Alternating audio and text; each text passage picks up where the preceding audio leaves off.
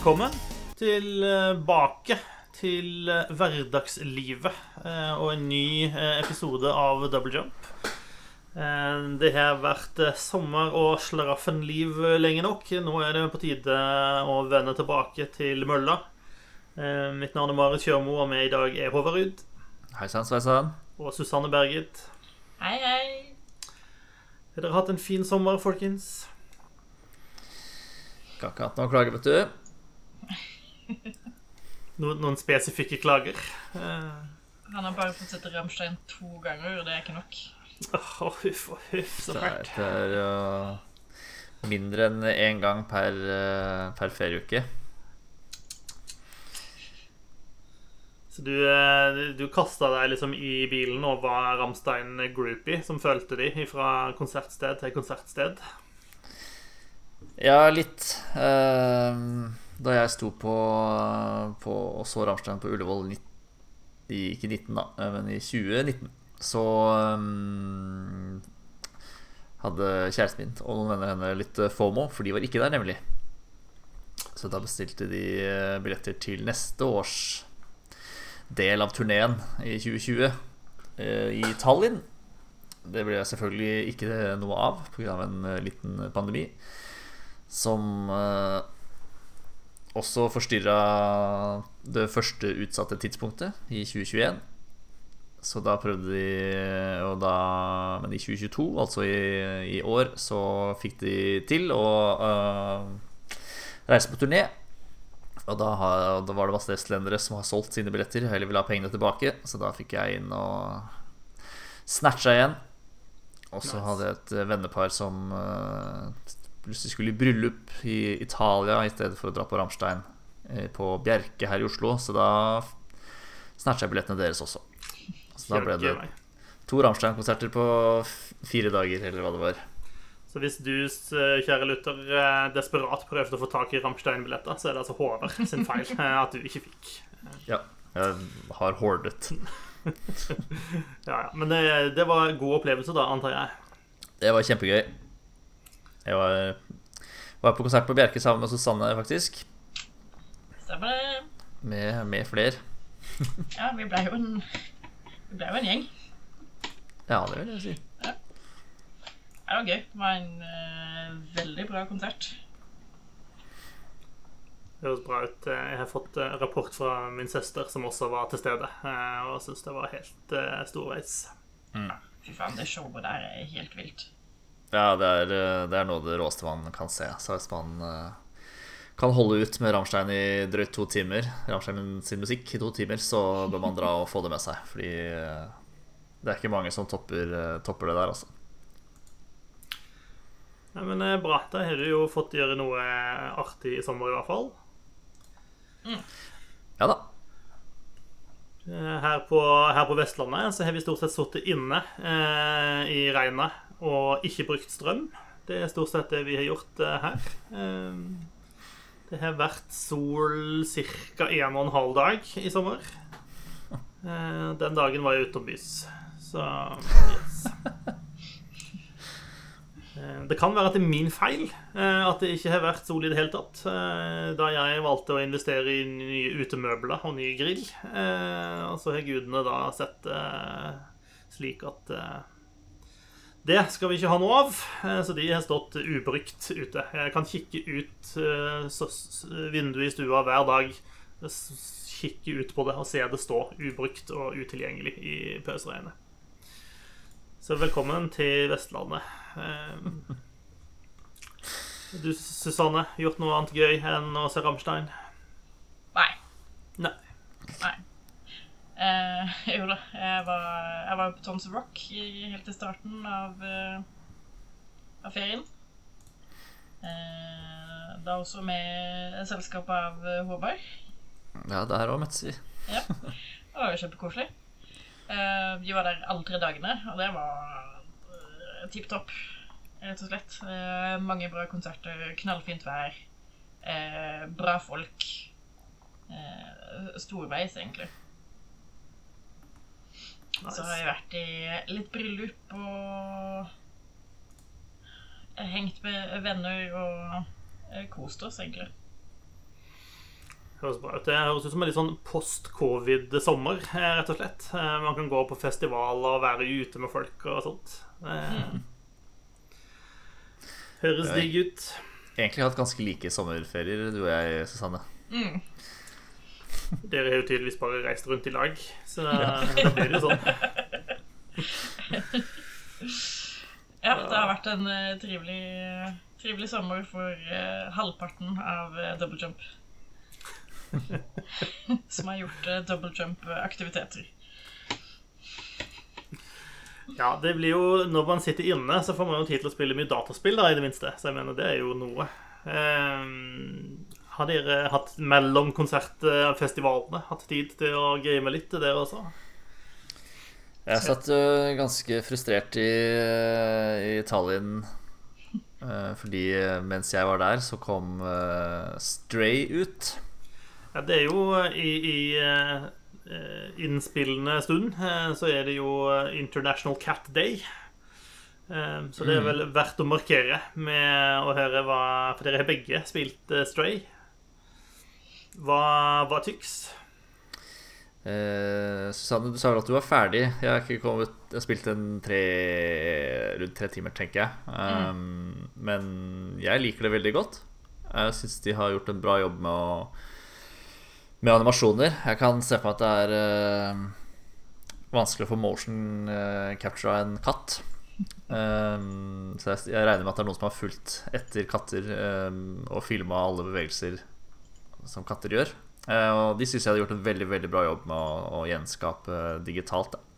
Det er ikke bare Andy Circus i en kattedrakt, eh, liksom. Som, eh, Ja, den, eh, den muligheten har jeg ikke tenkt på. Skal ikke utelukke det. Jeg tror det er litt Eh, dyrt. eh, være sikkert.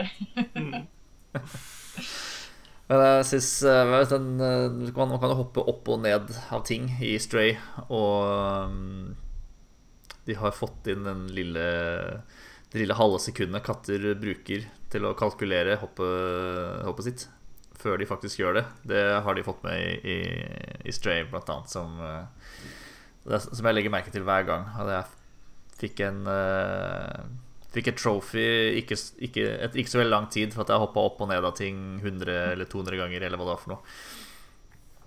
Så, og, jeg, og jeg legger merke til det hver gang. Så det er, eh, det er bra jobba. Ok, Så de har klart å, å fange realistiske kattebevegelser. Men, men hva er Stray? Hva gjør du? Altså, Jeg har fått med meg det er et spill der du spiller en katt. Og det er kanskje en eller annen form for fremtidsverden, kanskje litt sånn dystopisk, jeg vet ikke. Men hva, hva er spillet? Hva gjør du? Du spiller en katt. Som hopper opp, opp og ned over 100 ganger? Ja. Ja, og liksom eh, klatrer rundt på møbler og dytter ting ned fra hyller og ødelegger eh, for folk som prøver å spille domino og sånne ting. Det høres jo litt ut som det der andespillet som vi hadde tidligere. Mm. Gud, Ja, det var et, det var et gåsespill. gås, gåsespill, ja. Ja. Mm. Bare gå rundt og én kuk, egentlig. Ja. Eh, Ja. Det er kjempetrivelig. Eh, jeg koste meg eh, storveis med å bare gå rundt og være en kuk. Det Eh, er en, slags historie, det også, da. Ja. Eh, man havner jo nedi i eh, Spoiler alert fra spillets første fire minutter. Men man ramler ned i noe sånn Hva skal vi si det, Ikke helt favela, men ikke så langt unna heller. Et område hvor det bare bor roboter. Så vi er, vi er nok noen år fram i, fram i tid. Um, og så har ikke jeg spilt så langt at uh, jeg vet helt hvorfor, men alle snakker om at liksom, de vil uh, Vi skal finne noen som har dratt til the outside, som er uh, over og utenfor denne trange byen. Eller trange bydelen, kanskje. Det er ikke så stort område jeg har fått tilgang til så langt, i hvert fall. Ehm, så da må man eh, har jeg, løper man rundt og finner ting som kan hjelpe Eller som det, de som kan hjelpe deg, trenger. ehm, for at i bytte mot at de hjelper deg med å komme deg høyere eller eh, komme deg til the outside. Right. Så det, du skal escape. Eh, Er dette en metafor for eh, å unnslippe fattigdom eller sånt noe? Komme seg ut av eh, trange kår. Hva sier du, Susanne? Du har spilt gjennom hele. Jeg, jeg syns jeg har sett noe skriverier på nett om at eh, de, man syns spillet var bra, men har kanskje ikke helt klart å lande slutten. Jeg vet ikke hva, hva, hvordan du opplevde det? Um, tja uh, Prøve å svare på det uten å, å spoile ting. Um, jeg likte hele spillet veldig godt. Eh, og slutten er Jeg syns den var veldig fin, om enn trist. Eh, men den er også litt sånn det, det føles litt sånn smått håpløst på slutten også. Så det er en sånn rar kombinasjon av følelser man sitter igjen med. Eh, men så jeg likte sånn som historien er bygd opp, og den er jo Den er jævlig weird. Og, den blir jo bare rarere jo lenger ut i spillet du kommer. Eh, og jo høyere opp i denne byen du, du beveger deg. Eh, så Nei, jeg er veldig fornøyd. Det er, det er mye mer enn bare et uh, kattespill, på en måte. Men jeg tror valget av katt som, uh, som spillkarakter var et bra valg, fordi katter er liksom, fra naturens side veldig nysgjerrige. Mm. Og det er mye det hele spillet handler om, sånn tematisk sett, da. Det er nysgjerrighet, på en måte. Ut Snoking, av- som det også kalles. Mm. Det å finne ut av, av, av fortida og eh, hva, hva som skal skje videre, og hvorfor ting er som de er, liksom. Det er veldig mye utfordring av eh, status quo, da. Mm. Eh, og katter er jo en konstant utfordring av status quo, på en måte. eh, men det er, en, det er en veldig kul science fiction-fortelling, syns jeg. Eh, så jeg har ikke noe å utsette på, på slutten, sånn egentlig. Bra. Mm. Eh, det store spørsmålet i de fleste spill hvor det er dyr med, så er jo spørsmålet kan man klappe dyret. Kan, kan katten bli klappet? Eh, ja. Eller du kan klappe robotene. Eh, og de får sånn hjerteøyne når, eh, når du stryker deg mot beina de sine. Så jeg Ja. føler at det teller som å klappe katten. Du Ah. klapper deg selv. Og omvendt klapping. Ja, Enten robotene vil det eller ikke. Da, da blir det kos. Det er seksuell trakassering av roboter. Eh, ja, det er greit. Ja, I stedet for at eh, eh, grabs the pussy, så er det the pussy will grab you Ja. if it wants to. Ja, det er bra. Ja, nei, det er et kjempetrivelig spill. Det er mye å utforske. Eh, jeg følte at vi var ganske flinke og tok oss god tid, men det var jo masse noen småting, memories og sånne ting, vi ikke fant. Eh, som er godt bortgjemt, tydeligvis. Og så var det jo så klart noen achievements vi ikke fikk, som jeg mente vi burde ha fått, men eh, det er viktig å liksom gjøre alt og undersøke hver enda krik og krok hvis du vil liksom fullføre 100 da. Bare ta notes, eh, Håvard. Ja. Ja, men bra. Det høres ut som uh, dere har hatt a good time med Stray. Det er jo eh, Og ikke så fryktelig mange spill som blir sluppet på sommeren, så det er jo kult at det kommer noe som eh, eh, Som appellerer.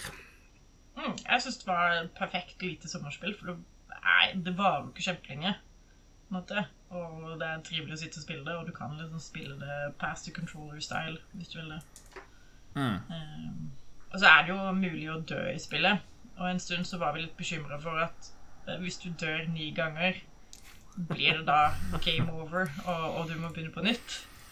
Fordi det hadde vært én jævlig frustrerende, men også sykt passende.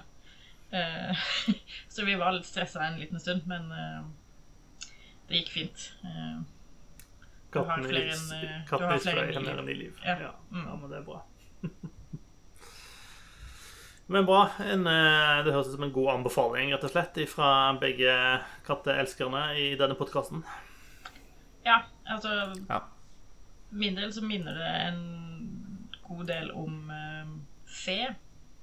Spillet, svenske spillet som kom ut for Jeg vet ikke hvor mange år det er siden. Det begynner å bli en liten stund. Eh, bare med litt mer liksom, dialog og kanskje litt lystigere stemning generelt. Men liksom, de har en del til felles, da. Eh, så det rangeres nok høyt på min eh, spill hvor du er dyr. Eh, rangering. Det var bra. Eh, skal vi gå nedover lista vår ting vi har spilt eh, ellers i sommer? Eh, Håvard, du har, du fått eh, testa noen andre ting? Eh, ja. Eh, jeg fikk eh, Vi fikk tilsendt Mario Strikers. Jeg tror det heter noe mer enn Mario Strikers. La meg bare Battle League. Mario Strikers Battle League. Som er eh, Nintendos eh, fotball eh, fotballspill. De har jo noen, sånne, har jo noen sportsspill. Um, men Strike er altså Det er Mario Kart-versjonen av Fifa, på en måte. Um, som Ja, her er det ikke noe gule kort, uh, for å si det sånn. Du kan plukke opp power-ups og skyte uh, skall og kaste bomber på motstanderne dine og sparke de rett i fjeset uten eh, konsekvenser. Jeg er litt usikker på hvordan det funka i andre Mario Strikers-spill, eh, men i, eh, i det nye så er man eh, fem Ja, inklusiv en eh, keeper man ikke kan styre, så er man eh, fem da, på hvert lag. Og som i Mario Kart så har alle karakterene litt forskjellige egenskaper. Så noen er raskere enn andre, noen er sterkere, eh, noen har, mer, eh, har bedre teknikk eh, og sånn. Ehm, men jeg syns kanskje det blir litt litt for grunt likevel. Ehm, når man er fire Banen er jo tilpassa til at man er fire, men når det skal skje så mye på bana, så føler jeg kanskje at det er litt lite Det er litt lite plass. Um, I tillegg til at uh, AI-en er uh, Ja, ikke helt som uh, i Fifa, da, for å si det sånn. Um, så jeg syns det er litt, eh, litt sånn Litt for grunt til å være at det skal være noen At jeg heller skal spille dette enn en Fifa, da. eh, Hvis jeg skal spille et fotballspill. Men er det ment å være en Fifa-utfordrer, da? Det kan vel ikke være? Det, det er det nok ikke uh, i utgangspunktet. Um, og det er jo litt uh, Det er jo litt dybde i at man kan kjøpe Man vinner jo selvfølgelig penger, som man gjør i alle Alle Mario-spill. Eh, som man kan bruke til å kjøpe eh, utstyr som endrer stats da, hos, eh, hos figurene, sånn at de kan bli, kan bli raskere, eller de kan eh, få mer eh, teknikk, sånn at det blir lettere å gjøre sånn alle, alle har hver sin sånn Alle, spill, alle karakterene har hver sin Skal vi kalle det en eh, ult, da, på en måte. Ehm, som er et skudd som Hvis man treffer innafor to eh, punkter på en sånn eh, bar, så hvor en, en går en strek først til ene sida, så til andre sida. Eh, du må trykke på hver, en gang på hver side. Og hvis du treffer innafor der, så er det sånn nesten garantert at ballen går inn, og man får Det teller som to mål. Um, Oi. um, jeg husker ikke hva jeg skulle si engang. Um, men jo, det er litt om dybden om Så du kan jo liksom tilpasse karakterene slik at du kan Du kan jo bygge opp til en slags spillestil likevel. Jeg har utstyrt uh, Valuigi så han har maks uh, speed, f.eks., og han løper jo fra alle selv om uh, banen ikke er så stor, da. Så det er ikke, det er ikke så langt han skal løpe. Um, så ligger det litt sånn um, Hvis du ser at noen prøver å takle deg, så kan du trykke på Jeg tror det er R. Og hvis du klarer å trykke liksom i akkurat riktig tidspunkt, så får du en liten speed boost. Og, så det er litt sånne, sånne funksjoner eh, der.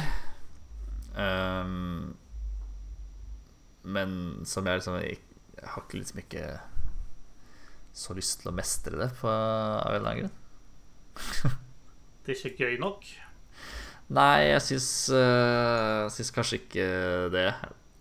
Jeg ser for meg at det kan være gøy hvis man uh, Man kan jo spille i online leagues, selvfølgelig. Det kan være fire Fire spillere som styrer hver sin Mario Mario-figur. Uh, og det kan jo sikkert være gøy. Da er det sikkert lettere å liksom ha, ha, en liten Ha en taktikk, da, eller ha en strategi for hvordan man skal angripe, og hvor man skal løpe, og og sånn. Da, da blir det et Eh, lagspill ut av det.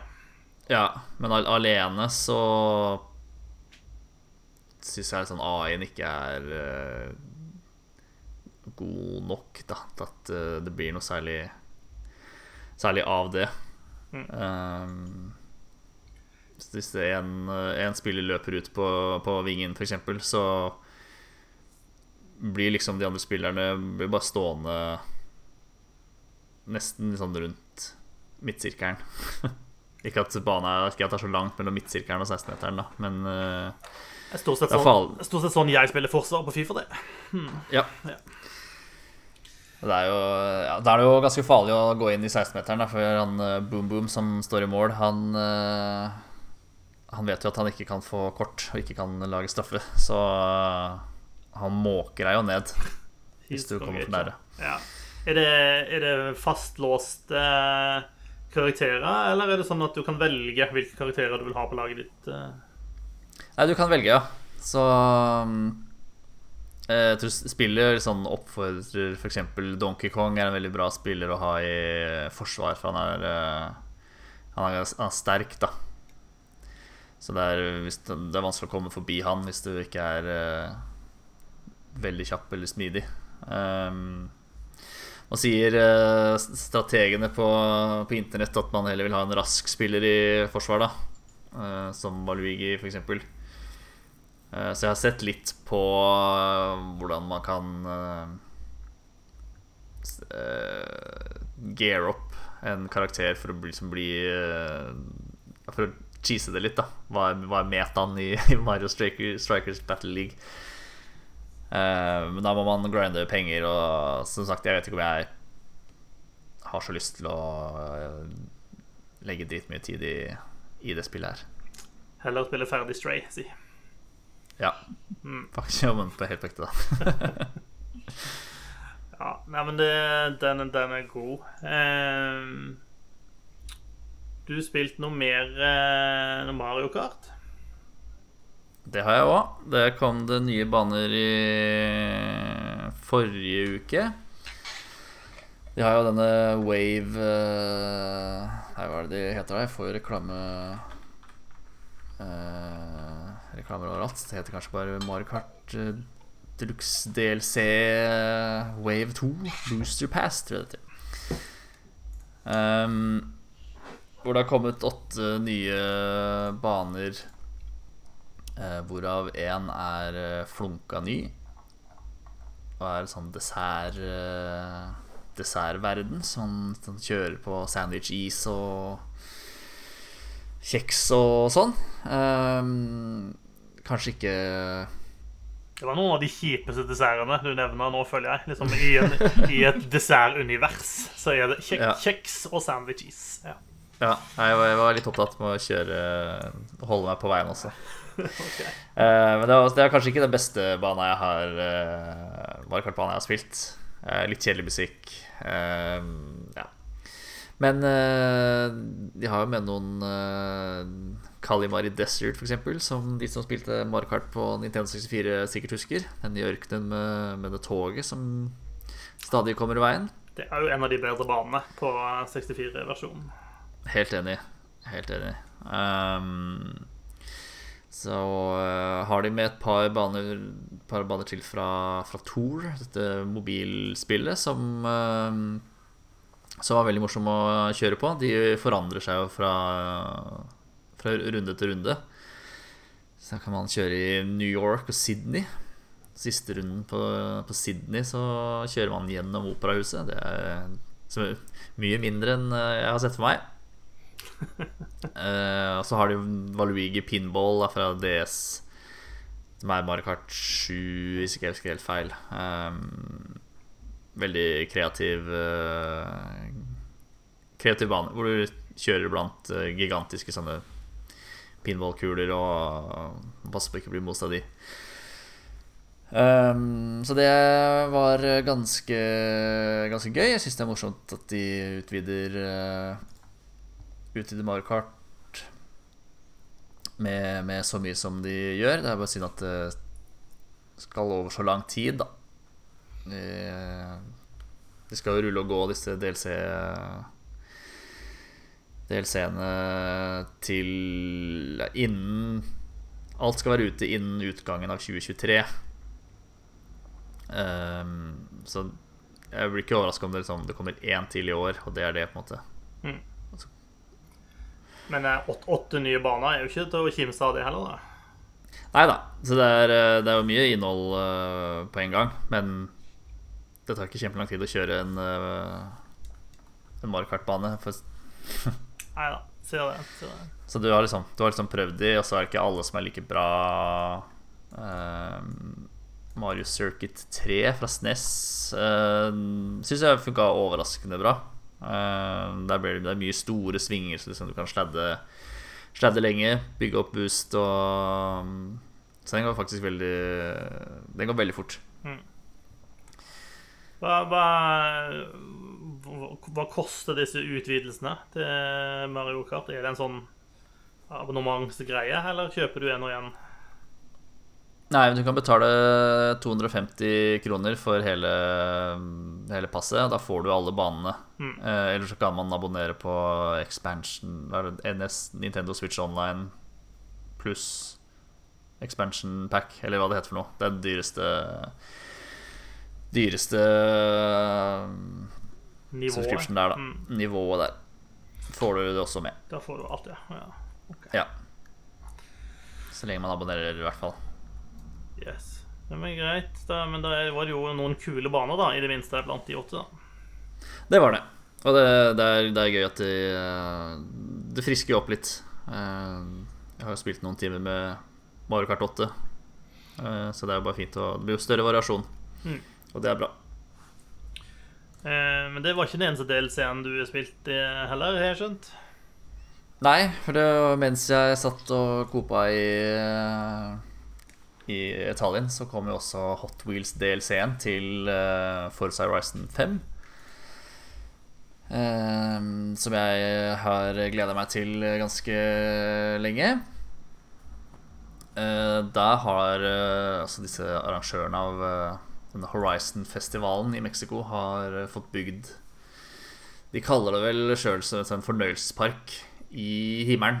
Så det er, det er tre øyer som er kobla sammen med sånne track, uh, nei, Hot Wheels-baner. Oransje Hot Wheels-baner og loops og, og det som er. Um, så det er én som er en slags sånn snø snøvulkan.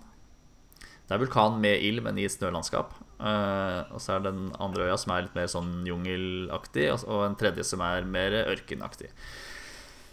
Um, og ehm, så har de lagt opp slik at man starter med å kjøre som er B-klasse, da. B-klassebiler, som er eh, relativt forsiktige biler, men eh, Men jeg syns også egentlig at det er en fin, er en fin introduksjon da, til å kjøre på Kjøre på ja, opp ned og sidelengs. Um, og ikke bare hoppe rett i liksom, de aller raskeste bilene, krasje ut og synes at uh, dette suger. Um, så har man uh, Så får man noen oppdrag som man må løse i B-klassebiler før man får lov til å kjøre A-klassebiler. så får man noen nye oppdrag for A-klasse før man kan kjøre S1 osv. Um, og det var egentlig Jeg syns egentlig det var veldig gøy. Um, igjen føles uh, Det føles forfriskende. Et spill jeg Jeg har spilt jo Force Horizon 5 om 100 timer før Før DLC-en. Uh, jeg har ikke spilt fullt 100 timer uh, med DLC-en, men så, så, mye innhold er det jo heller ikke. Men det, var, det var gøy. Jeg syns det var en fin måte å En fin måte med å bygge progress på, da. Uh, I tillegg til at de legger til flere nye sånne bonusskilter som må Som må knuses. som er gøy å, gøy å lete etter. ja. Og det er lagt til masse Hot Wheels-biler, selvfølgelig. Um, en, av, en, av, de som går uh, i hundre og helvete og har Men sitter uh, limt veien likevel. Uh, som er kjempegøy å kjøre. Uh,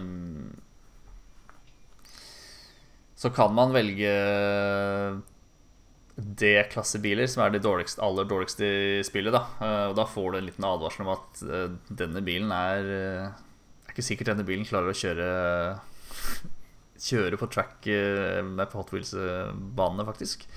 Og det gjør de heller ikke. Så du, du kommer ikke opp i loopen og det er ikke sikkert, Sjøl om det er magneter i, i, noen av de bratteste bakkene, så er det ikke sikkert at du kommer opp. Mm. Um, Ja, Det er jo kult å få lov til å prøve likevel, da. Ja da, jeg syns det er pris på. Måtte man jo sjekke sånn Hva skjer hvis jeg bremser nå på toppen av uh, helt øverste loopen her? Og da detter man ned. Ja. Ikke, ikke prøv dette hjemme. Nei, det kunne, det kunne, jeg kanskje forutsett, men jeg måtte prøve likevel. ja. um, så er det litt funny at man uh, Du ser jo liksom Mexico under, uh, under, deg da når du kjører opp i, i Hot Wheels-verden der. Du ser dessverre ikke Hot Wheels uh, øyene over når du kjører på det vanlige kartet. Men man ser det i hvert fall over, da. Altså, er det Fordi at det, det, det føles Altså eh, jeg, jeg, er ikke så inne i Forza Horizon-universet som sådan, men eh, det, det, er jo en Det føles som et veldig brudd på en sånn virkelighetstro greie med store Hot Wheels-baner i lufta, på en måte. Altså, er det jeg vet ikke hvor tøysete Forza Horizon-universet i utgangspunktet er, da, men er det kanskje det som er litt av tankegangen her med å ikke bryte for mye med det, er at hvis du velger å gå inn i, i Hot Wheels-delen, der kan ting være tøysete og opp i lufta og sånt, mens hvis du ikke vil det, så skal du slippe å se det, tøyset oppe i himmelen, kanskje? Vet ikke. ja, kanskje Jeg syns jo Forza Horizon er jo tullealibiet, da. Um, du har jo Forza Motorsport, som er en sånn virkelig simuleringsgreia. Uh, mens Horizon tar seg ikke sjøl så høytidelig, sjøl om uh, Jeg tror så Bilene oppfører seg vel mer eller mindre som man kan, kan forvente, og det er jo uh, utallige ting du kan justere på bilene for at liksom, du skal akselerere fortere eller uh, tolerere å kjøre offroad bedre. Uh, de registrerer varmen i dekkene dine og sånn. Ehm,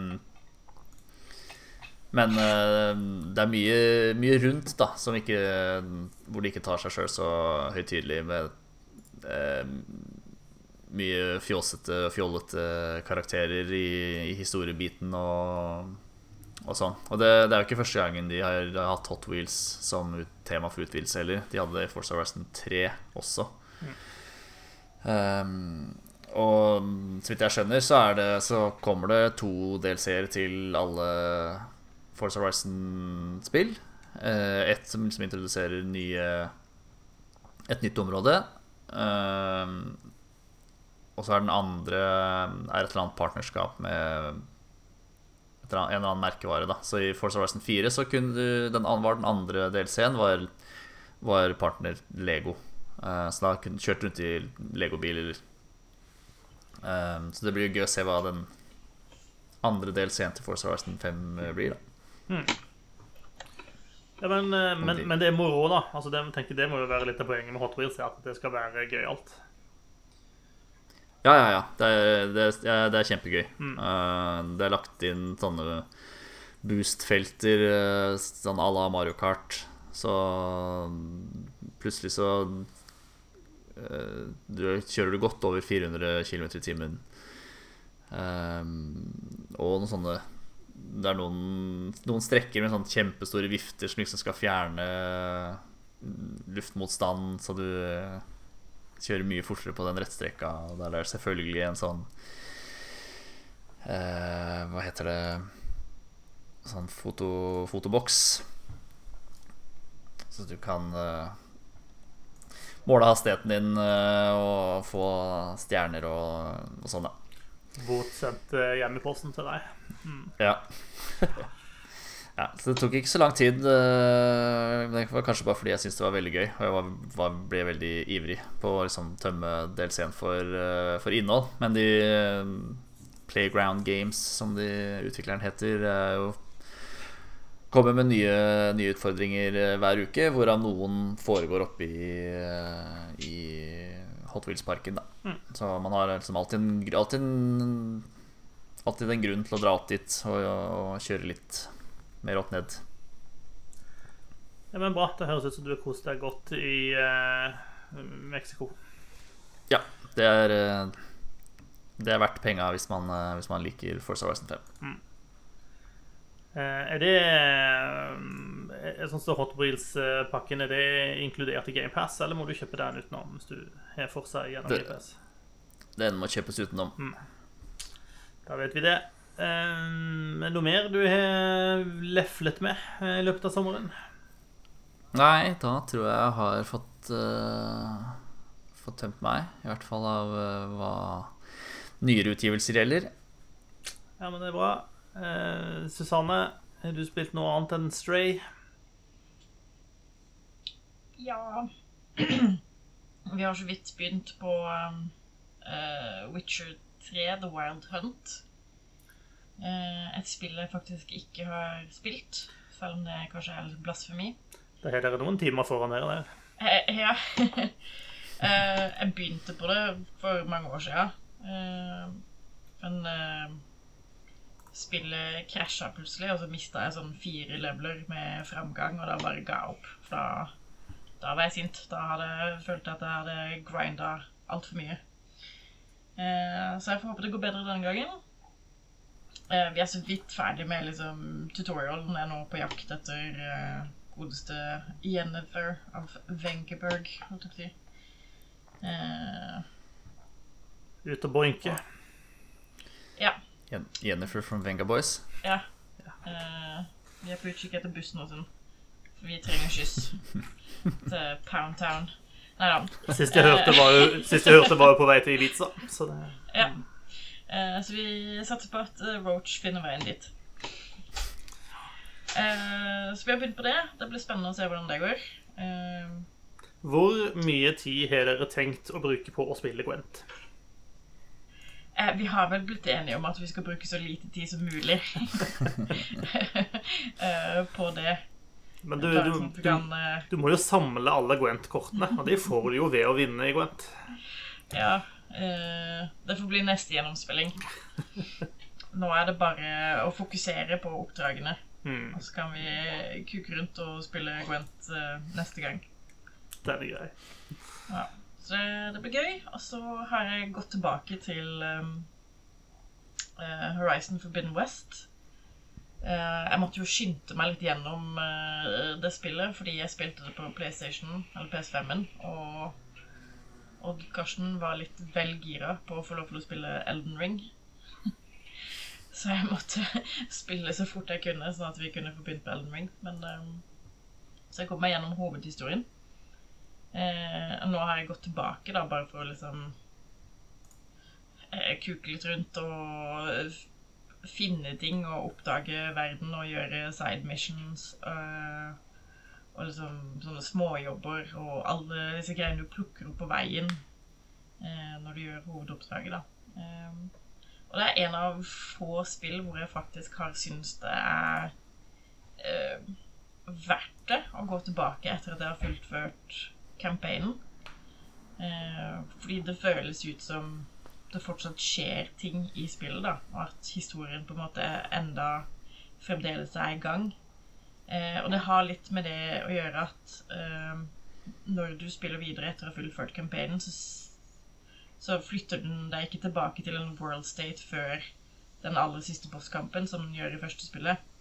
Den lar deg fortsette etter at du har gjort den siste bosskampen, og alt er liksom over. Og de du snakker med i verden, på en måte reflekterer det faktum at du har gått gjennom den siste bosskampen og er nå i en slags etterfase, da, hvor folk, spesielt de vennene du har uh, skaffa deg på veien, uh, har på en måte dratt til hvert sted for å forberede seg på den nye trusselen som kommer. Uh, og som kommer til å dukke opp i spill nummer tre.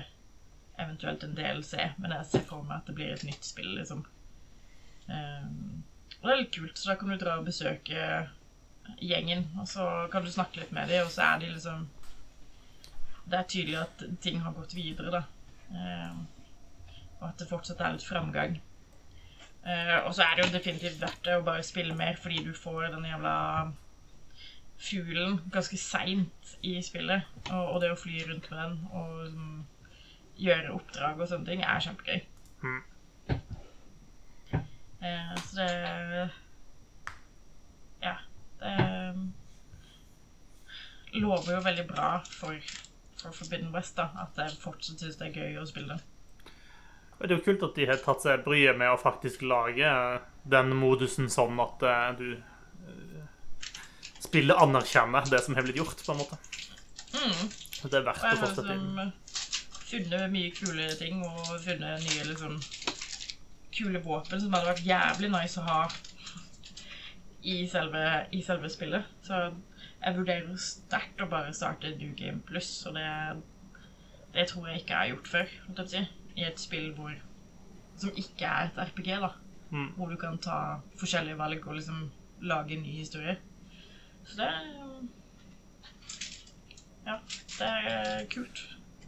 Jeg tror for min del så blir vel uh, Forbidden West, med mindre det kommer ja, Nå kommer jo God of War uh, i løpet av høsten, men uh, Forbidden West er definitivt en Game of the Year contender for min del. Mer enn det Elden Ring er. Ja. Det er Sikkert noen som vil være uenig, men uh, de om det. Jeg, jeg, tror det er mange som vil være uenig i det. ja, ja. Nei, men det, det, er en valid statement, det, tenker jeg. Um, mm. Ellers, jeg har registrert uh, på sosiale medier at du driver og sett på TV-serier også. Uh, ja. Uh, som de fleste sikkert vet, så er jo jeg jævlig stor fan av Resident Evil-filmene. Ikke fullt så stor fan av spillene, fordi jeg er for skumle. Og det er veldig lite Mila Jovovic i spillene. Ja, bortsett fra femmeren, som jeg har spilt sånn Eller er det fireren? Som jeg har spilt tusen ganger co-op sammen med min bror.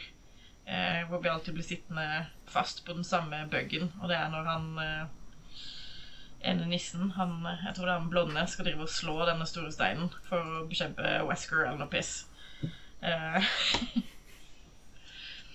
Eh, et spill jeg aldri har fullført, men jeg syns det er kjempegøy. Men uh, det har jo kommet en ny serie på Netflix Eh, som så vidt jeg har skjønt fin, liksom finner sted i, i spilluniverset. På en måte, fordi de nevner en del ting som som sammenfaller da, med spilluniverset. Eh, og den, dette skjer jo seinere, eller etter, alt, uh, alt styret i Raccoon City, og foregår liksom i New Raccoon City. Eh, og foregår på liksom to forskjellige tidspunkter, da. Så du har liksom i fremtiden, hvor alt har gått til helvete. Det er liksom 14 år siden verden gikk under. Eh, hvor en av hovedkarakterene driver og studerer disse zombiene. da Eh, og prøver å finne ut av om de utvikler seg, om det er mulig å liksom leve med dem. For det er såpass mange at du kan aldri bli kvitt dem. Eh, så du må liksom finne en måte å utvikle samfunnet på, sånn at man kan leve i en slags eh, harmoni, as it were. Og eh, det andre tidspunktet er jo når u, liksom, utbruddet finner sted, da, og følger hovedkarakteren eh, i fremtiden som en kid, og hva som skjer med hun og søstera og faren, som er Albert Wesker, da. En, en karakter de fleste kjenner til. Eh, så konseptet er jo veldig kult. Eh, den ser stilig ut. Det er liksom høy produksjonsverdi. Eh, soundtracket er veldig kult. Eh, Jeg liksom- aner at det kommer et men på et eller annet tidspunkt eh, her. Eh, ja. Men eh, Og dette sier jeg som fan av liksom, filmen og hele pakka. Eh, dette er faen meg noe av det dummeste jeg har sett i hele mitt liv. Eh, alle karakterene, med, med unntak av kanskje Wesker, da. Albert Wesker, som ble spilt av Lance Reddick. Som for øvrig er fantastisk i, i rollen sin. Alle er noen jævla idioter og tar helt absurd dårlige avgjørelser hele tiden. Eh, selv de liksom voksne i fremtida som har levd med denne zombietrusselen i 14 år, tar helt idiotiske avgjørelser. Eh, og alle fortjener å bli spist. Eh, og så er det liksom I den tidslinja som har med disse ungene, tenåringene å gjøre, da, og Albert Wesker, så er det på en måte Det går an å unnskylde de dårlige avgjørelsene de tar, fordi de er tenåringer. De er liksom, de er 14, de er noen jævla idioter. Men det er mye fordi de er 14 år. Og, og de fleste 14-åringer er noen jævla idioter og har ikke veldig mye eh, kapabilitet da, til konsekvenstenking. Noe som er veldig tydelig i denne serien. Eh, men det er ingen unnskyldninger for de voksne som tar like dårlige, om enn verre, avgjørelser hele tiden og får en masse mennesker drept. Eh, og liksom, historien gir null mening. Fordi du får ikke noe oppklaring på noen ting på slutten. De bare de fortsetter å introdusere nye tvister hele tiden uten å faktisk løse noen av de innen sesongen er ferdig. Og hele poenget med å følge disse kidsa i de sin tidslinje er jo for å få vite hvordan utbruddet starter. Og de har så veldig mange sånn Å, det er sånn her utbruddet starter. Og så er det bare ha-ha-ha. Nei, det er det ikke. Psyk. Og så gjør de det sånn tre ganger. Og så får du ikke noe svar på hvem det var som satte i gang faenskapet, på en måte. Eller hvorfor det skjedde sånn som det skjedde. Fordi de bare har Nei, det sparer vi til sesong to. Og jeg er sånn, Må jeg lide meg gjennom en sesong to med disse jævla drittungene? Og Som sånn, går eh, meg på nervene, og alt dette tenårings, påtatte tenåringsdrama som bare kunne vært kutta rett ut av serien, og den hadde funka like bra. Og så har de, fortsetter de med det inn i den andre tidslinja, og det er bare Åh! Og hovedkarakteren har liksom ikke vokst eller lært noen ting på de 14 åra hun har levd i denne zombieapokalypsen. Dama er liksom nesten 30 og er fortsatt like dum som da hun var 14. Og jeg blir sånn Dere er så dumme og gjør så dumme ting at jeg ikke greier å heie på noen av dere. Og det gjør meg litt sint, fordi da er det ikke noe poeng i å liksom se videre. Fordi jeg håper at alle blir spist. Eh, eller drept. Eller gjort et eller annet med. Eh, så det er liksom hva, Hvilke insentiv har jeg for å fortsette i sesong to, liksom? Ingen. Mm. Eh, og så er det jo vilt varierende hvordan de forskjellige skuespillerne har valgt å takle denne serien. Noen går full camp eh, og er liksom morsomme og, og liksom har liksom litt sånn snazzy one-liners og, og tjohei. Og så er det andre som tar det dødsseriøst og, og spiller mer på følelser og drama, og det er veldig mye liksom Ja.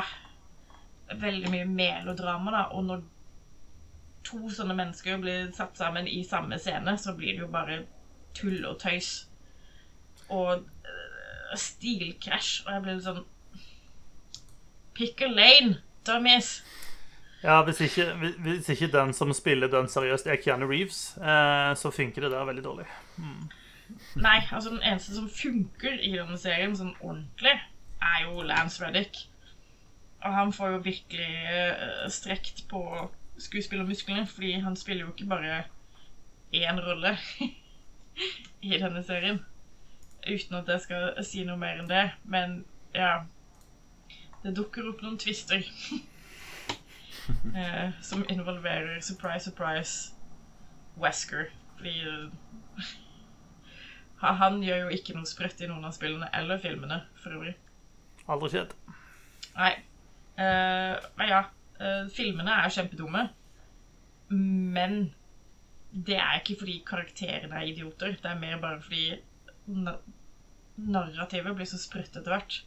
Altså, film 1 er relativt bra med tanke på at den er basert på spill. Uh, film 2 Ja, funker. Og så begynner det liksom å balle på seg og bli litt mye eh, kloner, og det blir litt mye frem og tilbake. Og så har du jo hoppet mellom fem og seks hvor de bytter litt regissør, og den neste regissøren går tilbake og retconner alt som skjedde i filmen før, fordi han ikke er enig med hvordan, i hvilken retning de tok historien, og litt sånne ting. Så det er veldig mye forviklinger. Men totalt sett så greier de å fortelle et helhetlig narrativ, på en måte. Eh, og de gir folk svar på spørsmål og, og løser opp eh, tvistene sine. Noe de overhodet ikke gjør i serien. Og jeg blir litt sånn Jeg skjønner at dere har mye ideer og mye tanker om hva som skal skje, men på et eller annet tidspunkt så er dere nødt til å svare på noen av disse spørsmålene dere stiller. De, dere må ha et klimaks på et eller annet tidspunkt. Uh, nei. Uh, ja, nei. There's a lot. Og så er det så mye oppbygging, og så er det, det mm, Ingenting som skjer, og så er det plutselig mye som skjer, og så er det noen karakterer som bare Jeg vet ikke hva de driver med. Nei. Eh, tom, eh, den, den ble rett og slett for dum for meg, altså. tom, tommel ned til Resident Evil-serien. Ja, Tommel ned. Uff da. Det var synd, da. Netflix har jo vært litt on a roll med serier basert på, på uh, videospill. Men eh, Mm. Det er ikke bare bare å lage jeg håper jeg, gull av gråstein. Det var litt slemt mot Resident Evil, kanskje. Men uh, Ja, det er liksom uh, Grunnlaget er der. Det hadde potensial til å bli en så jævlig kul serie hvis manusforfatterne bare hadde liksom visst hva de drev med. Uh, og det gjør de jo ikke. Så det er liksom Det er ikke noe Det er på en måte ikke skuespillerne sine feil, selv om de spiller de dummeste karakterene known to man. Det er på en måte ikke noe de har noe innflytelse over, men det blir jo til at man syns at de er dumme, fordi det er de som tar disse valgene og sier disse tingene, og Men det er jo bare dårlig manus. Så det er, sånn, det er så mye som er på plass, og så har de bare fucka det til så jævlig. Det gjør meg sint. Så Resident Evil-serien bra hvis du har lyst til å bli sint. Det er altså. Ja. Så det er kanskje et godt alternativ til å følge amerikansk politikk, f.eks. Mye samme utfallet. Eh, Man blir sint. Ja. Ja. Den er god. Ehm, jeg Hva har jeg gjort, da, når jeg har sittet inne i sommer? Eh, det kom for ikke for en ukes tid siden, så kom Kanskje ikke det engang, så kom Hard West 2 ut. Eh, det er ikke sikkert alle husker eh, når Hard West kom ut, for det har blitt noen år siden. Eh, men det var en sånn slags cowboyaktig XCOM-like. Hvor man fjaste rundt i Ville Vesten i turbaserte kamper.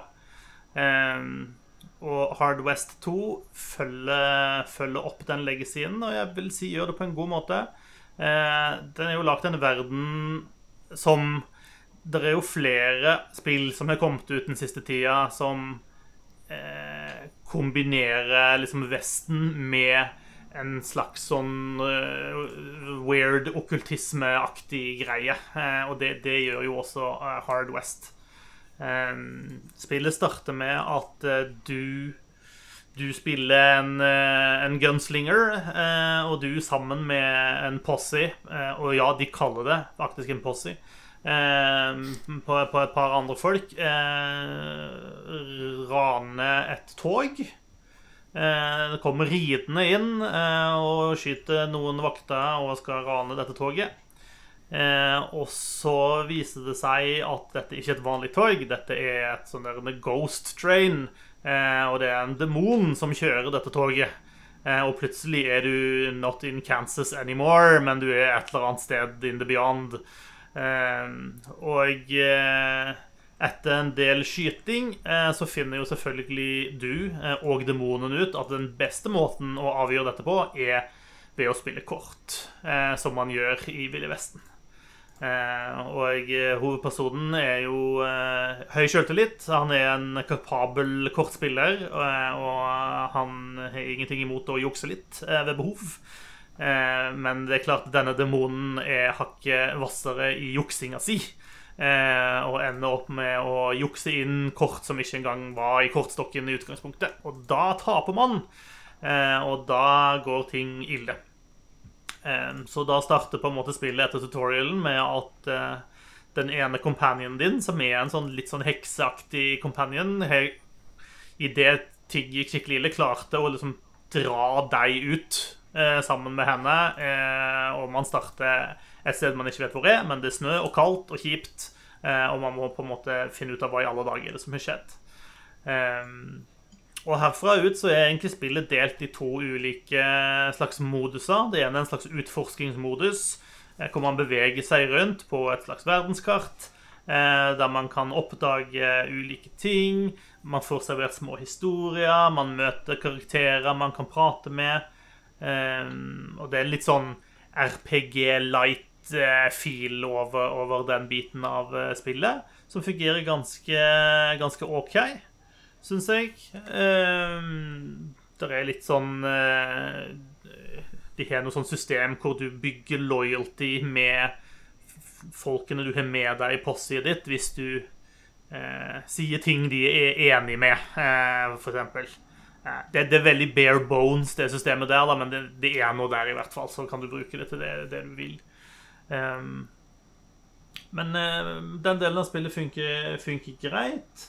Uh, det er noen sånne interessante uh, events man dukker borti etter hvert, som er kult. De spiller på den, det mystiske i denne verdenen, og den, det er interessant nok til at du ønsker å finne ut av mer av hva i alle dager er det som foregår, og ikke minst man ønsker å ta hevn på denne kjipe demonen. Eh, eh, og etter hvert så kommer man jo inn i kamp, og da går man på en måte inn i en slags egen kampmodus. Da er det turbasert XCOM-aktige kamper, hvor man flytter én og én eh, figur, og så er det motstanderen som flytter sine figurer, og så har man et eh, godt arsenal av ulike skytevåpen. Eh, noen melee-våpen. Eh, noen litt sånn halvmagiske triks. Eh, og man kan kaste litt sånn dynamitter, og man kan chugge litt whisky og litt sånne ting i kampene for å få ulike effekter. Eh, fø kampene føles bitte litt for simplistiske. Det er på en måte nok biter i puslespillet til å gjøre det interessant, men jeg har ikke følt at jeg har trengt å bruke på en måte spillet på alle strengene som spiller her. da. Ehm, den, på en måte, den store greia er at altså, for hver runde så har hver karakter um, så og så mange actions. Jeg tror den har fire actions. Og så koster det på en måte ulike Handlinger koster ulike ting. Sant? Du kan bruke alle actionene dine på å bevege deg. Uh, og så er det ulike våpen. altså En pistol eh, bruker gjerne to action på å skyte, mens ei ordentlig rifle bruker kanskje alle actionene dine eh, den runden på, på, å skyte den. Eh, men så er det også sånn at hver gang du får inn en kill, så refresher du automatisk alle actionene dine. Og det gjør at kampene ofte blir et sånn der puzzle, egentlig. For hvordan kan jeg eh, få gjort mest mulig på min runde? Eh, og så ender man opp med at OK, ja, men sannsynligheten er stor for at han kan klare å drepe den. Eh, og så kan jeg kanskje ofre den, da, sånn at den gjør nok skade på den til at den andre kan drepe den, og så kan fortsette videre. Eh, og det er et interessant element, men jeg følte at etter hvert så ble det litt sånn all consuming. At det blir liksom det blir det kampen det handler om. Bare å klare å holde den der eh, eh flyten gående. Eh, og det ja, Jeg føler kampene ble på en måte redusert litt fra å være en spennende shootout til å bli en puzzle, på en måte. Um, det er litt sånn eh, Jeg spiller, begynte å spille Divinity 2 litt igjen, sammen med, med, to venner. Og kampene der også blir litt sånn uh, få gjort så mye som mulig. Uh, kanskje jeg skal spare ett action point, for da får jeg det igjen i neste runde. Så da kan jeg gjøre disse to tingene med den ene spillen som, jeg, som går, kommer av cooldown da. Uh, så de, vi spilte litt i, i, går, og de kampene tar Det tar jo så lang tid. Mm. Bare fordi man må vi, vi sitter og tenker uh, hvordan vi skal maksimere verdien av hvert action point. Da. Ja, altså så er det noe med Som, som enkelte sånne turbaserte spill sliter litt med å få til å funke i en sånn situasjon. Og det er sånn type um, Man har jo gjerne lagt opp et brett. Kanskje det er litt langt, sant? og det er kanskje egentlig lagt opp til på en måte flere fights i fighten. Uh, sånn at når du har tatt ut den første gruppen med fiender som var rundt om der du starta, så må du kanskje på en måte bevege deg litt i posisjon før du kommer til neste. Uh, og Da blir det et veldig sånn der metagame med ja, men hvordan skal jeg bevege folkene mine sånn at de har masse action points klar idet vi møter fiendene. For hvis ikke så vil du ha en kjempestor bakdel, da. Og, og, og, den delen er jo ikke noe moro. Altså Drive og ta sånn museskritt med alle folkene for å se om det dukker opp noe. Og så, ja.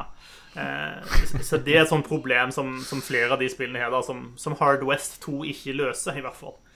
Eh, mm. Så, men, men, jeg har ikke spilt det fryktelig langt ennå, så jeg kommer til å fortsette å spille det. Jeg syns verden er interessant, jeg har lyst til å utforske den mer. Og så håper jeg at eh, spillet etter hvert begynner å, å, kaste litt flere elementer inn i kampene. Eh, for, for kampen i starten har vært litt for sånn rett frem, eh, på en måte. Det er en ganske kul sånn taktisk greie er at de ulike Det er litt ulike Eh, alle, alle, karakterene du har med deg, har liksom en sånn unik eh, skill eh, de har. Eh, og blant annet hun heksedama hun har en skill som gjør at hun kan bytte plass med en hvilken som helst annen person. Det være seg venn eller fiende. Eh, og den er ganske kul, for den liksom åpner ganske mye sånn taktisk eh, greie med hvordan du kan på en måte snu rundt på, på battlemappet. så den er ganske stilig. Ehm, så, så, så, jeg håper det kommer litt mer sånne ting, da, for da kan man begynne å prate ordentlig eh, Ja, da blir det mer sjakk enn en stigespill da, eh, i kampene. Mm. Eh, ellers, når jeg har sittet inne i regnet i sommer eh, Jeg har tenkt veldig lenge at jeg har veldig lyst til å spille Pillars of Eternity 2. Um, fordi det begynte jeg på så vidt for en stund siden. Uh, og så fant jeg ganske raskt ut at dette spillet er altfor avhengig av Pillars of Eternity 1 til at jeg kan spille det uten å ha spilt ferdig Pillars of Eternity 1. Så da har jeg gjort det i sommer. Jeg har spilt igjennom hele Pillars of Eternity, inkludert uh, de to White March-DLC-ene uh, uh, og hele, hele sulamitten. Uh, på GamePass ligger jo nå både, altså den, både Pillars of Eternity og Pillars of Eternity 2 med alle DLC-ene inkludert ute. Um, så, så, det kan være, være verdt å sjekke ut. Um, Pillars of Eternity 1 Det er et litt traurig spill. Det må det være lov å si. Det, det lider en del av å være liksom det første spillet i det universet de prøver å skape. da. Det bruker fryktelig mye tid på å introdusere verdenen, på at du skal bli kjent med eh, panteonet av de ulike gudene. Eh, og, de ulike fraksjonene som eksisterer i dette universet. Og det kompliserer det også litt med at spillet er satt på et sted hvor de fleste av disse fraksjonene knapt er til stede. Eh, det er liksom ute i koloniene spillet er satt, da. Eh, så er det en del med, med hovedhistorien også som, som, dreier seg om eh, at det er noe rart som driver skjer med sjelene til folk, og så må du på en måte nøste opp i hva dette er, og hele Det er en litt sånn tung tematikk. Og så introduserer spillet en del ulike mekanikker som det bare sånn halvveis klarer å få payoff på, på en måte. Eh, så I tillegg syns jeg også at mange av karakterene i spillet er helt middels interessante. Eh, og, og, noen av de har på en måte noen gode hooks, der de liksom begynner på en side story som skal utvikle den karakteren, og så kommer det ikke en ordentlig god nok payoff på en måte etter hvert av den. Eh, så det er egentlig veldig liten par kanskje av karakterene som du har med deg i det spillet, som, som egentlig er interessante. Eh, litt bedre med de White Marsh-delseerne. Eh, det er kanskje de beste eh, sånn storymessig i hele Pillars-spillet, er de to utvidelsene. White March part 1 og part 2. Eh, der er det en ganske kul historie som er bra peisa. Du føler det skjer ting. Det er lett å forstå hva det dreier seg om, og den introduserer også flere nye karakterer du kan ha med deg, som absolutt komplementerer partyet ditt da, og gir deg nå endelig litt muligheten til å faktisk gjøre noen taktiske valg i hvem det er du velger å ha med deg i partyet ditt. Um, pluss at noen av de karakterene er ganske interessante. Um, så, så, skal du spille Pillars of Eternity, så for guds skyld spill med, med, de utvidelsene. Og ikke vent for lenge med å reise til, til White March. Eh, du må ikke fullføre DLC-ene med en gang du reiser dit. Det er sånn Du kan reise mellom White March og resten av Pillars-universet eh, når du vil. Jeg tror kanskje du er nødt til å nå et visst level før liksom, det åpner seg opp. Men reis dit, prat litt med folk og få med deg de karakterene, så du kan ha de med i hele spillet. For det, det er det verdt.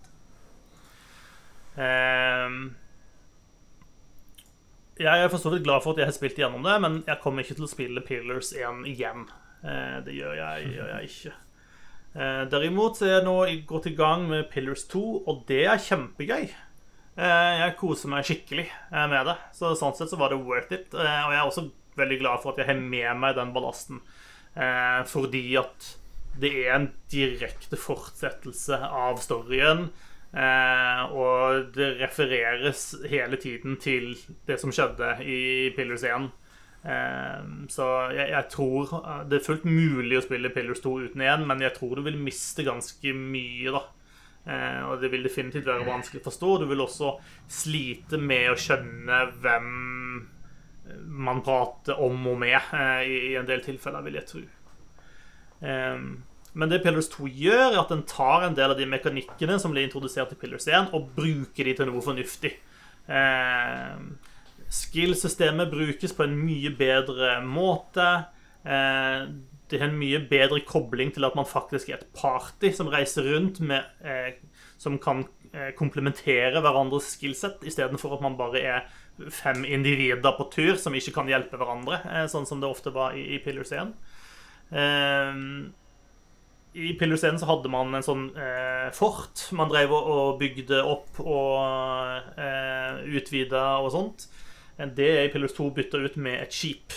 Eh, fordi man, Pillars 2 befinner seg i det som heter The Deadfire Archipelago. Eh, så her driver man og cruiser rundt. Eh, og det er masse pirater og ulike handelsselskap som driver og konkurrerer. Det er en lokalbefolkning som syns at det er ganske middels kult at disse imperialistene driver og mesker seg rundt på, på øyområdene deres. Det er mange kule temaer som tas opp. Eh, måten de har satt opp de ulike fraksjonene, er kult. Eh, man har et utvida slags reputation-system som fungerer ganske bra. Som ikke bare går på deg og de ulike fraksjonene, men den går også på deg og de ulike karakterene du kan ha med deg. Eh, så det føles mer eh, Altså Karakterene du har med deg, bryr seg faktisk om hva du velger å gjøre, og hva du velger å si. Så, og i tillegg, så, eh, for de som bryr seg om sånt, det er en hel haug med pets det går an å finne og adoptere eh, i dette spillet og ha med på båten din. Eh, og jeg mener en hel haug. Jeg tror jeg har sånn åtte katter og fire hunder eh, nå med meg på, på skipet. Um, altså, der har de også gjort en litt sånn weird ting, for det er jo magi og slike ting i denne verden. Så jeg fikk en sånn eh, Jeg fikk en reklameposter eh, for en maskin som skal kunne eh, altså, du, Disse kjæledyrene de gir deg egenskaper, da, alt etter hvem du velger å equippe. Hvem du velger liksom aktivt ha med deg. Og denne maskinen skal da på et eller annet vis kombinere ulike pets. Litt usikker på hvordan dette skal fungere. Jeg, er litt, jeg har ikke tørt å prøve den ennå, for jeg, jeg, er ganske sikker på at den egentlig tar livet av petsene og så lager et nytt et. Eh, det høres fishy ut, eh, men jeg må nok prøve det etter hvert. Ja. Eh, det er også veldig fornøyelig at en av karakterene du har med deg helt fra starten, er over gjennomsnittlig opptatt av dyr. Og syns hver gang du kommer et eller annet sted noen sitter med en tiger, eller sånn, så er det bare 'Å, kan jeg få lov til å klappe den? Vær så snill.' Det er også ganske gøy. Så kulere karakterer, kulere story, kulere mekanikker. Det at du kan reise fritt rundt på de syv hav og jakte masse pirater. Men du har også friheten til å bli en del av piratene hvis du vil. Eh, nesten alle questene er lagt opp til at det er ulike måter å løse de på. Jeg, jeg storkoser meg. Så jeg, jeg, er redd for at det er altfor få folk som har spilt Pillars 2 fordi at Pillars 1 var så tungt spill. Eh, så det, det, er leit, men jeg koser meg iallfall masse. Og kommer til å fortsette å spille det. Og eh, da kommer jeg til å være forberedt til når det neste spillet i dette universet kommer ut, som jo kanskje ikke er så lenge til. Eh, det som ikke heter Pillars, men det som heter Awoke, Awoken, et eller annet sånt nå. Avowed, tror jeg det heter. Avowed. Um, spent, på, spent på det. Det skulle jo være mer en sånn Skyrim-aktig variant, men, men, satt til det universet. Yes. Det er stort sett det jeg har bedrevet eh, i sommer. Eh, så hvis noen trenger tips om Animancy i Pillars 1, så er det bare å spørre. ja, Det hørtes ikke ut som bare bare, det der, da. Nei, det var en ordeal. Eh, det, var ikke, det, var ikke, bare kjipt, altså, for all del. Det hadde jeg jo ikke orka å gidde. Men eh, du sitter liksom igjen etterpå og syns at det, det, var Det var 100 timer som jeg kanskje kunne brukt på andre ting. Ja. Eh, for øvrig tips også. Eh, Pillars 1 Pillars 2 har en sånn eh, versjon hvor du kan få tatt over lagringsfila di, holdt jeg på å si, sånn at den husker hva du gjorde i eneren i toren, um, på PC. Så spiller du på PC, så kan du liksom få alle tingene du har gjort, med deg i toren, og så vil spillet huske det, og så vil den kunne spille på nøyaktig hva tingene du gjorde. Eh, jeg spiller spillet på Xbox eh, fordi at det har vært praktisk i en sånn papparolle for en liten smått, sånn som jeg holder på med akkurat nå. Eh, der er det ikke en sånn en funksjon, og det var litt kjedelig. Så der har de bare en sånn helt basic Du får ett valg i starten som basically sier sånn Du var snill, eller du var slam, eller du var rar, eller noe sånt noe. Og så lager den på en måte en world state på bakgrunn av det, da. Eh, og antar litt hva du gjorde. Så, så langt så har det passet sånn rimelig bra, eh, men det er litt sånn, ja, det hadde vært kult å ha det jeg faktisk gjorde. Så har du, har du tenkt å maratonspille alle spill, eller begge spillene, så, så anbefaler PC-versjonen pga. det. Skal sies de har vært veldig flinke til å gjøre det konsollvennlig, det spillet. Eh, det, det, funker kjempebra. Så der har de gjort en, en, god jobb. Det slettes ikke alle sånne spill som funker godt med håndkontroller, men det, det gjør Pillars. Så kudos, kudos for det. Det var det jeg har vært innom. Da tror jeg vi har hatt, uh, hatt runden. Så kan vi etter hvert begynne å se, mm. begynne å se fremover. Eh, sommeren nærmer seg jo, været er ordentlig over, så da begynner det kanskje å komme litt spill igjen. Eh, det blir bra. Vi kan ta helt kjapt et par nyheter. Eh, vi gidder ikke ramse opp alt som har skjedd i sommer. Men én eh, ting som jeg har øynene mine på, som jeg ikke har fått gjøre noe med nå, er at det har kommet nytt brett til Hitman 3, og det skal jeg jaggu meg teste. For det ser ut som folk har det kjempegøy med. Det er en sånn pirat aktig brett, har jeg skjønt. Ambrose Island. Eh, og det ser skikkelig artig ut, så det skal jeg, det skal jeg sjekke ut. Det, det brettet er gratis for alle som har Hitman 3. Så, så, så sjekk det ut, og det skal i hvert fall jeg gjøre. Eh, Hitman er ute på enten GamePass eller PlayStation Plus. Hitman 3, altså. Kult. Hele Jeg lurer på om alle de tre nye Hitman-spillene, faktisk. Ja. ja. De henger jo på en måte sammen, sånn at eh, hvis Ja. du har alle tre, så er det jo som Du har jo alt innholdet inn i, i, i ett spill, på en måte. Ja. Jeg, tror, jeg mener det var på en av, en av de. Husker jeg ikke hvilken, selvfølgelig. Absolutt verdt å sjekke ut. Jeg har hatt det så mye gøy med, med, med de Hitman-spillene. Så det Eh, noe som alltid er gøy, er jo økonominyheter. Det syns vi alltid alle er veldig morsomt. Eh, Activision Blizzard leverte sine kvartalstall nylig. Eh, de kunne fortelle at på PC-markedet så tjente de 332 millioner dollars. Eh, På det samla konsollmarkedet tjente de 376 millioner dollars. Mens på mobil tjente de 831 millioner dollars. Så over halvparten av sin inntjening har altså nå Activision Blizzard på mobilmarkedet. Jesus Christ. Er det, er det du, Håvard, som driver og punger ut for Diablo-stæsj, eller? Nei, eh, nå begynner det å bli ganske lenge siden jeg har eh, knabba til meg gratis stæsj i det spillet, til og med. Så jeg hadde Jeg vet ikke, jeg syns jo det var litt artig da jeg da jeg holdt på, men uh, av en eller annen grunn har jeg bare stoppa. Nei, det skal jo sies, selv om de tjener stygt masse penger på, på Diablo, så skal det også sies at mesteparten av Activisions mobilinntjeninger kommer dag fra underselskapet King. Eh, kjent Ja. for eh, Candy Crush. Eh, og det er der de drar inn brorparten av de grunkene, skal sies. Uh, in Fortsatt, ass.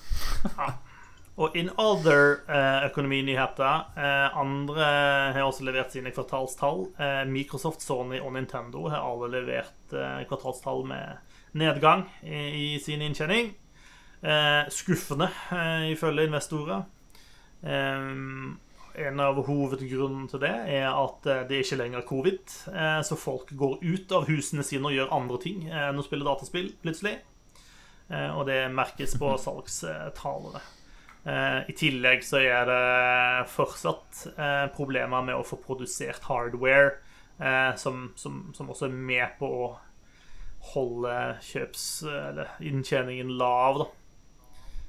Eh, og det gjelder over hele fjøla da, for eh, de tre konsoll- og spillutviklerne. Så skulle hatt covid lenger, eh, for eh, mener de. Eh, og man mener at man kommer til å fortsette å se at denne covid-effekten på, på de økonomiske tallene til de store spillselskapene fremover. Eh, også Ubisoft eh, mellom en, en stor nedgang. Eh, det selskapet som klarte å ikke å unngå nedgang, for å si det sånn, var Electronic Arts. Eh, som hadde en eh, ganske stor øking i eh, i inntektene sine. Eh, og er vel en 14% revenue growth. Eh, så de har gjort noe, noe riktig de siste kvartalene, i hvert fall. Så det var stå der. Eh, er, det, noen av dere som har spilt alt innholdet i Assassin's Creed Valhalla? Nei. Nei? Ain't nobody got time for that. Nei. Ain't nobody got time for that. Heldigvis er det kommet mer innhold til Assassin's Creed Valhalla. Eh, det har nå fått en egen Rogalight-modus. Som, som alle tenkte at ja, det trengte det spillet. Eh, Men der er det i hvert fall en modus hvor du skal spille Odin, eh, og du må liksom kjempe deg gjennom jeg tror det er fire ulike nivåer. Eh, Og dør du, så må du begynne helt på begynnelsen, men som i mange sånne rogelike-spill, så er det noen sånne permanente ting du kan kjøpe, som da carries over etter hvert. Så jeg vet ikke, Assassin's Creed er et sånt spill som Jeg slutta å spille det. Jeg vet ikke helt hvorfor. For var, jeg hadde det jo kjekt. Det var jo ikke et dårlig spill. Det bare var så jævlig mye. Um, og det slutter jo ikke å være mye, da. Så tror det siste jeg egentlig gjorde, var å spille den Irland-DLC-en. Den spilte jeg helt gjennom hele storyen på. Eh, og igjen, det var, det var bra. Verdt å spille. Eh, men eh, som det ble sagt, ain't nobody got time for that. Så Jeg har faktisk omsider begynt å spille Origins. Assassin's Creed Origins. Det er, ligger på GamePass nå. Så det er level 6 eller noe noe Du sånt. funnet deg kjipe fullgæren i starten? Uh, nei. Foreløpig ikke fått banka noen, eh, noen fugl i starten. Det har du sikkert ikke vært nok eh, sånn der en idiot sånn som meg og drev og klat- klatra opp i fjellsidene på statuer og sånne ting. Nei. Nei, ikke så mye av det. Nei. En liten tur, så hadde jeg den der historien din i- om den farlige fuglen i bakhudet, bakhudet men uh, jeg har uh, sluppet unna så langt. Ja, det er bra. Bare vokt, vokt dem. Ja. uh, vi har fått livstegn fra Beyond Good and Evil 2. Spillet som har vært under utvikling i over 14 år.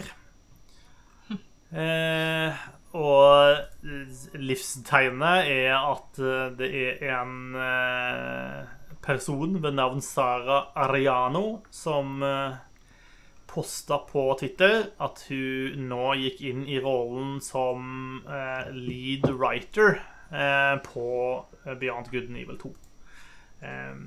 Eh, jeg vet ikke om det nødvendigvis er veldig positivt. At de får en, altså Hun er sikkert flink, for all del, men eh, at de bytter liksom lead writer etter 14 år, og det fortsatt tilsynelatende er langt fra ferdig. Eh, men eh, altså jeg har for så vidt tatt satt meg til ro med at vi, det kommer aldri noe bjørn and 2. Det spillet kommer aldri til å bli gitt ut. Vi kommer aldri til å få spille det. Eh, så sånn sett så gjør ikke det så stor forskjell for meg. Ehm, men vi får se, da. Det er jo et tegn på at eh, hvis de ansetter noen til å jobbe på spillet, så må de jo drive på med et eller annet, skulle man tro. da. Mm. Men eh, vi får se om vi noen gang får eh, spille mer Beyond Good and Evil. I seriously doubt it. Tror det jeg. Jeg ville ikke holdt pusten, for å si det sånn. Nei. Det kan bli, bli strevsomt. Og det var egentlig det vi hadde tenkt å preike om i dag. Vi har jo hatt en eh, god runde, føler jeg. Eh, vi har fått uh, tømt oss, som du sa, Håvard. Uh, uh, da kan vi, kan vi riste av oss sommeren som har vært. Nå er det slutt på å spise is, grille i hagen, alle de tingene som dere på Østlandet har gjort i sommer. Og så er det tilbake til jobb. Så da er vi også tilbake i en mer eh, ordinær schedule. Eh, vi kommer nok til å fortsette på, på det løpet vi starta før sommeren. At vi, vi kommer ut eh, bi-weekly, altså sånn hver 14. dag. Eh, det funka bra, så jeg tror vi fortsetter med det en stund. Så da er vi plutselig tilbake igjen om eh, to ukes tid, da. Hyggelig å se dere, igjen- se dere igjen, folkens. Ligg med det. Ja. Ja. Ja. ja, det var ikke så lenge siden jeg traff eh, Susanne. Nei, dere møtes vel på en, møtes vel på en konsert igjen eh, om et par dager, tenker jeg. Sånn som dere pleier. Ja, ja, ja. Ja, vi har, har vel allerede planlagt neste konsert. Ja. Ja. Det blir en ny tur til Rammstein, eh, tenker jeg. Mm. det er men greit. Takk for uh, i dag, uh, folkens. Og fra meg sjøl, Håvard og Susanne, takk for at du så på eller hørte på. Uh, og på gjenhør-gjensyn om ei lita stund. Hei så lenge. På gjensyn skråstrek gjenhør. Bye.